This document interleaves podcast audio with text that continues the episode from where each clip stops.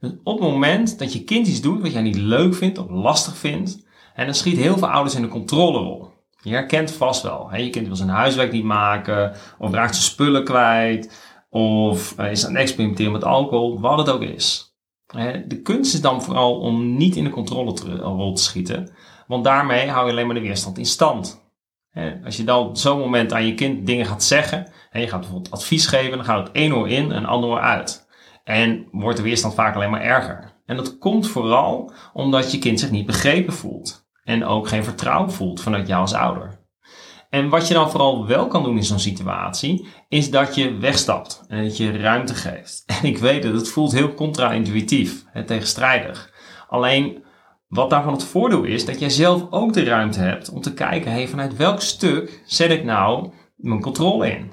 Nou, op het moment dat je zelf in de weerstand zit, onder elk gedrag zit een, onder elke weerstand zit een angst en een behoefte. Dus dan is het goed om voor jezelf te kijken, waar ben ik nou bang voor? Ben ik bang dat mijn kind ontspoort? Of dat hij aan alcohol verslaafd raakt? Of dat hij aan het gamen verslaafd raakt? Of dat hij slechte resultaten behaalt en niet goed komt met zijn carrière? Wat het ook is. Angst is een slechte raadgever. Dus het is goed om daar allereerst bewust van te worden. Want op het moment dat je er bewust van wordt, of eigenlijk niet bewust van bent, en je gaat vanuit angst reageren, dan komt er ook lading. En dus dan horen je kinderen ook de boodschap niet meer. Tieners testen zichzelf. Ze onderzoeken, ze experimenteren en dat hoort er helaas ook bij. En de verantwoordelijkheid die wij hebben is dus om ruimte te bieden. Om een omgeving te creëren vanuit verbinding, veiligheid en vertrouwen. En dus door vertrouwen te geven, door bijvoorbeeld te zeggen tegen je kind van hé, hey, ik vertrouw je. Ik vertrouw erop dat je je weg gaat vinden. En als je je weg niet vindt, dan heb je niet meer controle van mij nodig, maar veel meer begrip. Nou, en zelf heb ik dit toegepast bij de gameverslaving van mijn zoon. En waarbij ik eerst controle inzette, wat leidde tot constante ruzies en een waardeloos gevoel bij mezelf en bij mijn zoon. Hij kon het immers nooit goed doen in mijn ogen. En in mijn beleving veranderde niks. En op een bepaald moment was ik ook de verbinding met mijn zoon kwijt, omdat ik het heel rigide wilde gaan doen. Op een gegeven moment was ik er klaar mee, vanuit bepaalde gevoelens in mij, dat ik me heel erg zorgen maakte dat het niet goed zou komen met hem. Dan ging ik dus heel erg op de regels zitten. En ik toonde dus helemaal geen begrip meer. En toen was ik ook echt verbinding kwijt. Dat is een van de vreselijkste momenten met mijn zoon. De shift naar meer ruimte, begrip en vertrouwen dat hij zelf mag leren omgaan met zijn verslavingen heeft me enorm geholpen. En recentelijk heeft hij nog een gokverslaving gehad, dat hij constant behoefte had om te willen gokken. En terwijl hij is gewoon een tiener, is gewoon het experimenteren. En uh, de kunst is juist dat hij mag leren omgaan daarmee, zodat hij op latere leeftijd niet meer tegenaan loopt. En wel grappig, want eigenlijk nog steeds als hij iets niet handig doet, in zijn ogen dan, dan kijkt hij verwonderd naar mij en uh, dat ik dus niet direct boos word of uh, dat ik er zelfs niks van zeg. Uh, en ik deed dat altijd vanuit goede intentie om hem te helpen. Alleen ik hielp hem niet echt. Dus zoals ik al zei, de kans is groot dat ik de behoefte van mijn kind onderdruk en dat hij op latere leeftijd hier weer tegenaan gaat lopen. Sta je stil hoe het voor jou was. Heb jij geleerd om met je verslaving om te gaan? Of hou je ze nog steeds geheim en schaam je je nog voor? En mooi om daarbij stil te staan. Want het risico is dat je van daaruit gaat projecteren op je kind. Als je daar zelf nog niet goed mee om hebt leren gaan. En dat bedoel ik dat je het op je kind gaat plakken hoe jij het zou doen. En dan zie je je kind dus niet meer. Nou, het mooie is dus als je je kind leert om ermee om te gaan. En dan kan hij dus ook in staat zijn om een beter alternatief te gaan zoeken voor zijn behoeften. En hiermee bedoel ik zeg maar, dat het belangrijk om te kijken naar de oorzaak van de verslaving. En dus het moment dat mijn zoon niet meer naar school ging, kwam hij in zijn isolement te zitten. En gamen was het enige vermaak wat hij had, maar ook zijn enige manier om contact te hebben, sociaal contact met anderen. En dat wilde ik resoluut van hem afnemen en beperken. je ziet het als het enige glaasje water in de woestijn. Nou, logisch dat hij in de weerstand schoot. En ik weet dat ruimte en vertrouwen geven alleen niet de oplossing is. Dus niet loslaten, maar anders vastpakken, zeg ik altijd maar.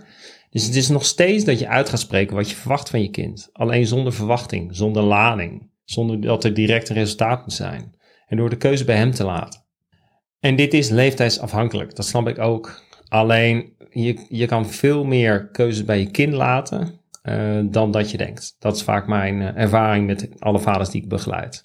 En als een kind niet doet wat we willen, hebben vaak de neiging om afstand te nemen. Zijn we weg van gemotiveerd, hè, vanuit onmacht of pijn, om geen controle over ons kind te hebben.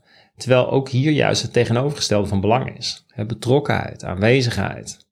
En dat ik laatst ook een vader die dan ook fysiek aanwezig blijft. Als een kind heel boos is of er is wat, En ook al zeggen ze niks, en dan blijft hij wel in de omgeving aanwezig. En zo zat ik bijvoorbeeld ook voor de deur van mijn zoon als hij overprikkeld was. En in zijn kamer was niet handig, want dan liep de spanning verder op. Uh, maar ik bleef wel in de buurt en hij voelde dat ook. En eigenlijk dat het onvoorwaardelijk was, mijn liefde. Of hij nou boos was, verdrietig, dat ik gewoon altijd was. Nou, op welke punten en vooral ook momenten kan jij de controle meer loslaten? En wat is nu de grootste winst? wat herken je nu al op het moment dat jij een veilige en vertrouwde omgeving creëert? Wat zie je dan gebeuren? Je zal het vast ook wel doen op bepaalde momenten. Wellicht kan je het vaker doen. Maar dat is alleen maar mooi. Wat zie je dan gebeuren? Nou, ik zie dat mijn kinderen bijvoorbeeld gaan praten over een lichamelijke onzekerheid. Of een onzekerheid, maar ook een lichamelijke onzekerheid. Dat ik meer spontane knuffels uh, ontvang, maar ook kan geven. En ook als ik hen dus uh, het niet geef, hè, bijvoorbeeld ik kom thuis en ik geef geen spontane knuffel, dan word ik daar haarfijn op gewezen door de mannen. hey pap, wat is dit nou? Kom op. En ook iets wat ik me nooit had kunnen voorstellen vanuit mijn eigen jeugd, is dat ik uh, op de verjaardag van mijn, van mijn ex, en met mijn kinderen aanwezig, was ook ander bezoek aanwezig, en dat mijn kinderen stuk voor stuk op schoot kwamen zitten en lekker knuffelen. Nou, ik hield op dat soort dagen, verjaardagen, echt juist afstand van mijn ouders.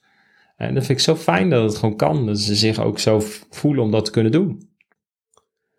Nou, ik zou zeggen, pak je kind nog eens stevig vast. Net iets langer dan je normaal doet. Dat is altijd de challenge die ik vaders geef in de, in de bewust vaderschap uh, training. En uh, doe dat in deze maand en met de feestdagen in teken van verbinding net even iets vaker dan je normaal doet. En kijk eens man wat er dan gebeurt en hoe dat vooral ook voor jou voelt als vader. Nou, heel veel succes en geniet ervan. En, en wellicht denk je nu van, hé, hey, ik knuffel mijn puberzoon eigenlijk helemaal niet. Of je zegt, ja, juist, ja, dat doe ik altijd, Roderick. Het maakt me niet uit waar je staat. Het gaat erom waar je heen wilt. En welke groei je wilt doormaken, samen met je kinderen. En als ik daarin met je mee kan kijken, dan hoor ik dat natuurlijk graag, want ik spreek je graag. En um, geniet ervan de komende tijd. En tot snel.